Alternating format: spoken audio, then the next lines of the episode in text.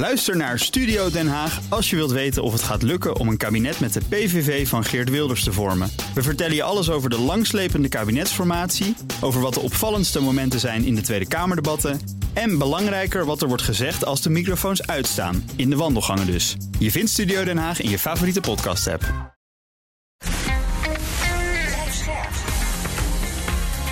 BNR Nieuwsradio. Boekenstein en de Wijk. Hugo Reitsma. Dit is een extra uitzending van Boekenstein en de Wijk in verband met de oorlog in Oekraïne en de crisis met Rusland. Het is donderdag, dag 99 van de invasie. Arjan, Prop is weer eens op pad, dus die spreek ik pas later. Waar let jij op vandaag? Nou, laten we toch maar even beginnen met een onderwerp dat niet direct met Oekraïne te maken heeft, maar toch heel belangrijk is. De Denemarken had altijd een opt-out. Dat deed dus niet mee aan het EU Security and Defense eh, Policy. Die deed, deed aan die pilaar niet mee. Net als wel meer dingen. Hè? De euro doen ze ook niet aan mee. En migratie, geloof ik. Ze, die hangen er een beetje bij. Ja. En de Britten zaten daar natuurlijk ook in. Hè? En het was voor Eurosceptici natuurlijk ook een beetje een lichtend voorbeeld. Denemarken, van zo, zo kan het ook. Hoef je niet in de euro te Hm. zitten. Hoef je ook niet aan de, aan de defensie mee te doen. Nou, met een grote meerderheid in een referendum hebben de Denen nu besloten om wel mee te gaan doen. Eh, hier zien we dus echt. Dat is, dat is wel heel van historische betekenis hoor. We zien dus echt dat die Europese defensiesamenwerking een veel meer vorm aanneemt. Want die Deense op, opt-out valt weg. Dat zullen de Britten trouwens ook helemaal niet zo gezellig vinden dat dat gebeurt. Ja, ja, ja. Ik geloof dat ze in de praktijk al wel best nog een hoop samenwerkten met de EU. Hè? Maar Zeker. het blok wordt wel verstevigd zo. Ja. Ja, en aangezien er dus grote EU-defensiefondsen zijn opgetuigd en veel meer dan ooit wordt samengewerkt, Ja, ja. is het natuurlijk leuk. Want de Denen hebben een best aardige krijgsmacht hoor. Dat is een rijk land. Hè? En zijn ook al, hebben hele goede special forces en al dat soort dingen. Dus eh, dit- ik vind het toch belangrijk. Want dan zie je toch dat die verschuiving dat Europa meer zelf gaat doen. En dat is ook heel goed dat Europa dat gaat doen in deze boze wereld. Waarin je Amerika, Rusland en China niet allemaal meer op hun blauwe ogen kan vertrouwen. Ja, en de Amerikanen, las ik wel, die sturen de HIMARS MLRS.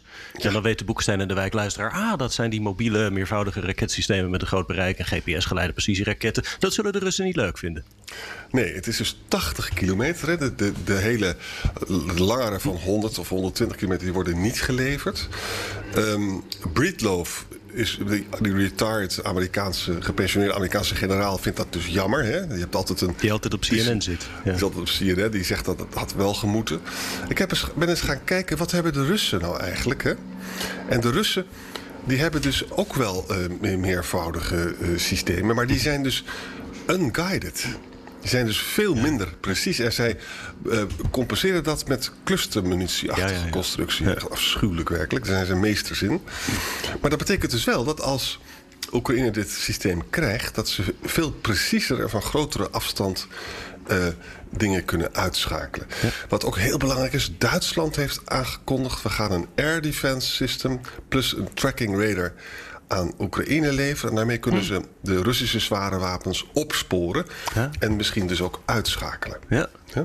En ik zag nog meer trouwens. De Britten die sturen iets dat heet de M270. En dat is vergelijkbaar met die Amerikaanse systemen. En de Polen en de eh, Slowaken die sturen nog een hoop eh, panzerhouwitsers erbij.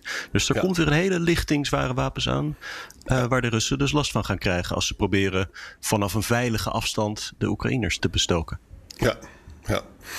Dat betekent overigens niet dat het nou allemaal gelijk een doorbraak betekent. Want eh, Blinken zei vandaag, eh, als je naar alle parameters gaat kijken, dan gaat dit lang duren.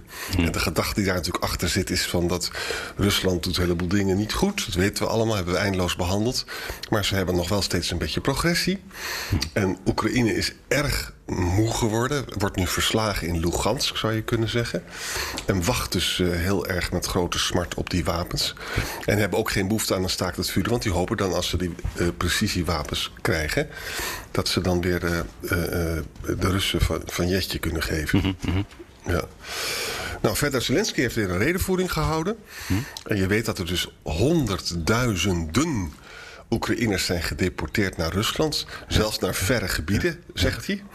En daarvan alleen al 200.000 kinderen die gescheiden worden van hun ouders. Jezus. Dus moet je even de ellende daar voorstellen. En er staat er ook nog in, en zegt Zelensky ook van ja, de Russen hopen dan dat de Oekraïners niet snel zullen terugkeren, want ze zo ver van huis en haard uh, zijn Ja. worden gebracht. Het is echt eh Stalin-beleid, hè? Die deed dat ook. Ja. En dan staat er nog een stuk in de New York Times dat iets dat wij heel vaak hebben aangestipt, maar toch echt heel belangrijk om weer te benadrukken. Eh, omdat eh, Poetin zo onverhuld dreigt hè, met de inzet van kernwapens, is dat een hele andere situatie dan gedurende de Koude Oorlog. Want dat was toen not done, hè, dat je daar in het openbaar mee dreigde. Afschrikking werkte gewoon in, stilte, om het zo maar te zeggen. En men denkt dus om die reden, ook vanwege de nucleaire proliferatie, hè, dat steeds meer landen krijgen kernwapens, dat de kans op nucleaire risico's, hè, of, of zeg maar nucleaire risico's zelf, veel groter is. Dat stond ook verhuld eigenlijk in een stuk van Biden, die op-ed in de New York Times. Ja. En dat, dat is ook een, dat is een, een running gag in onze podcast. Hè. We benadrukken dat steeds, dat dat geen grapje is. En dat je daarom dus ook voorzichtig moet opereren. Is ook een argument bijvoorbeeld om niet eh, MLRS te, le- te leveren... die langer, gaan dan, langer de dracht hebben dan 80 kilometer. Ja, ja. Nou, weet je, ik praat straks eh, met Rob verder. Maar nu, hebben we alvast een mooie bodempje van somberheid eh, gelegd. Ja, man. uw dagelijkse dosis cynisme. hè.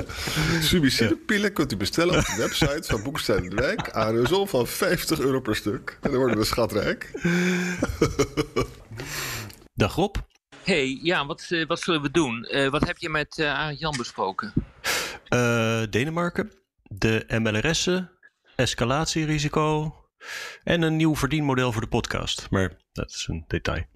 Dat is een detail. Oh, dat, zal, eh, nou, dat dat is allemaal rechts trouwens. Eh, nee, maar eh, dat is goed. Laat ik even kijken wat ik... ehm, Ik zie op Twitter dat jij in Bratislava zit. Ja, hier is eh, de jaarlijkse GlobSec-conferentie. dat is eh, echt wel eh, high level hoor. Dat is een van de belangrijkste conferenties, zeggen ze zelf, in de wereld. Maar ik ben wel eens langzamerhand geneigd om dat te geloven. Maar dat is wel heel erg interessant. Ik bedoel, de hele top komt hier voorbij. Eh von der Leyen is net geweest. Zelensky, daar hadden we een videoverbinding mee. Net hebben we de, ehm, de vicepremier gehad van, van Oekraïne. Die was hier live, die was overgekomen. En wat ook wel echt heel erg interessant is, eh, ja, mensen als ehm, de Servische president, hè, Vucic, eh, die, eh, die was hier ook. Dat was een van de meest bijzondere ontmoetingen die er was, moet ik zeggen. Dat is natuurlijk een pure populist en eh, een dwarsligger. Maar het is wel heel interessant wat hij allemaal te melden heeft. Hoe was in zijn algemeenheid het gevoel met al die hoogwaardigheidsbekleders over hoe het gaat in Oekraïne? Ja, kijk, het punt is, en daar begon bijvoorbeeld eh von der Leyen eh, mee, ja, we moeten winnen. Maar ja, vervolgens, weet je, hier zijn natuurlijk een hele hoop eh, ook experts. Eh, die zeggen van ja, maar wat betekent, dan, eh, wat betekent dan winnen? En we hadden net een hele discussie daarover met een aantal van die experts. Van ja, er, worden wel, er wordt wel heel erg gemakkelijk met allerlei termen gezwaard. eh, zoals appeasement, winnen. Ehm, maar, maar wat betekent dat nou eigenlijk? En- en- Zo langzamerhand beginnen die termen lege begrippen te worden. En dat zijn dan termen die gebruikt worden om iets duidelijk te maken waarvan iedereen denkt, ja, dat begrijp ik ook wel dat het moet gebeuren. Maar probeer het nou eens uit te voeren. Wat betekent het precies? Nou, die discussie, die, die, die woedt hier volop. Ehm, en je ziet dus gewoon dat er verschillende scholen tegenover elkaar staan. Dus Von der Leyen zegt, we moeten winnen. Maar ja, de vraag is, eh, wat gaan we dan doen? En zij komt dan met een, ehm, eh, met een aantal voorbeelden eh, van wapenleveranties. Dat de lidstaten kunnen hun bonnetjes voor de levering van, eh, eh, van wapens aan Oekraïne, die kunnen ze dan in Brussel inleveren, krijgen ze geld voor. Ja, maar dat heeft niks met winnen te maken. Dat is een procedure. Eh, nou ja, en ga zo maar door. Kijk, dat zijn hele lastige discussies. En als je hier met de echte, echte experts praat, en ook mensen die bij de NAVO wegkomen, die zeggen wel, het wordt wel heel erg lastig en hij gaat dit gewoon niet redden op deze manier. En er zal op een of andere manier toch een compromis moeten, eh, moeten worden gevonden. Eh, nou ja, en, en wat je dan vervolgens ziet is dat ook eh, Oekraïners eh, achter de schermen, die zijn ook wat op die conclusie gekomen over Zelensky.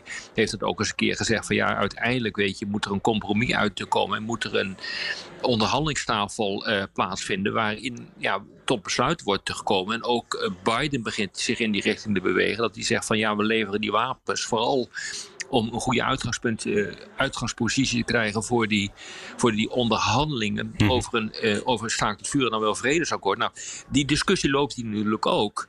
Maar de, zo langzamerhand begint de moed toch wel een beetje te veranderen in de richting van ja, weet je, we moeten zo hard mogelijk uh, Oekraïne steunen. Uh, we moeten en, uh, van der Leyen zegt dat, maar ook de vicepremier van, uh, van Oekraïne, de president van Oekraïne, die zeggen allemaal: we moeten ook zorgen dat ze zicht krijgen op EU-lidmaatschap. Een beetje, dat is nu de discussie. Terwijl iedereen op zijn klompen aanvoelt van dat er op een gegeven ogenblik aan de onderhandelingstafel allemaal concessies moet worden gedaan. Ja. Maar die doelstelling, als je het zo formuleert, van een zo gunstig mogelijke uitgangspositie voor Oekraïne ja. bij de onderhandelingen wanneer die beginnen, is dat niet een, een, een goed geformuleerd doel, ook voor het Westen, in de steun aan Oekraïne? Ja, dat vind ik uh, ook. En dat is precies nu wat uh, Biden uh, heeft gedaan, ook in zijn, in zijn ingezonde stuk in, in de New York Times. En daar ben ik op zich wel blij mee, want dat is natuurlijk gewoon precies waar het om gaat. Maar dat heeft dus wel een probleem. Dat levert wel een probleem voor al diegenen op van we moeten winnen.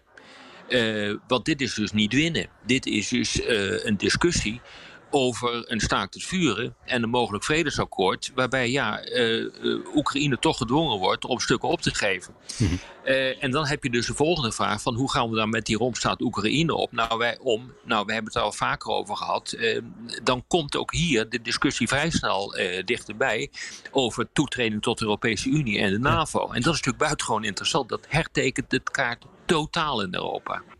Tot morgen. Ja. Dag. Hoi. Ook Harm Edens vind je in de BNR-app. Je kunt BNR Duurzaam niet alleen live luisteren in de app, maar ook terugluisteren als podcast, zoals al onze podcasts. En naast dat de BNR-app Breaking News meldt, houden we je ook op de hoogte van het laatste zakelijke nieuws. Download nu de gratis BNR-app en blijf scherp.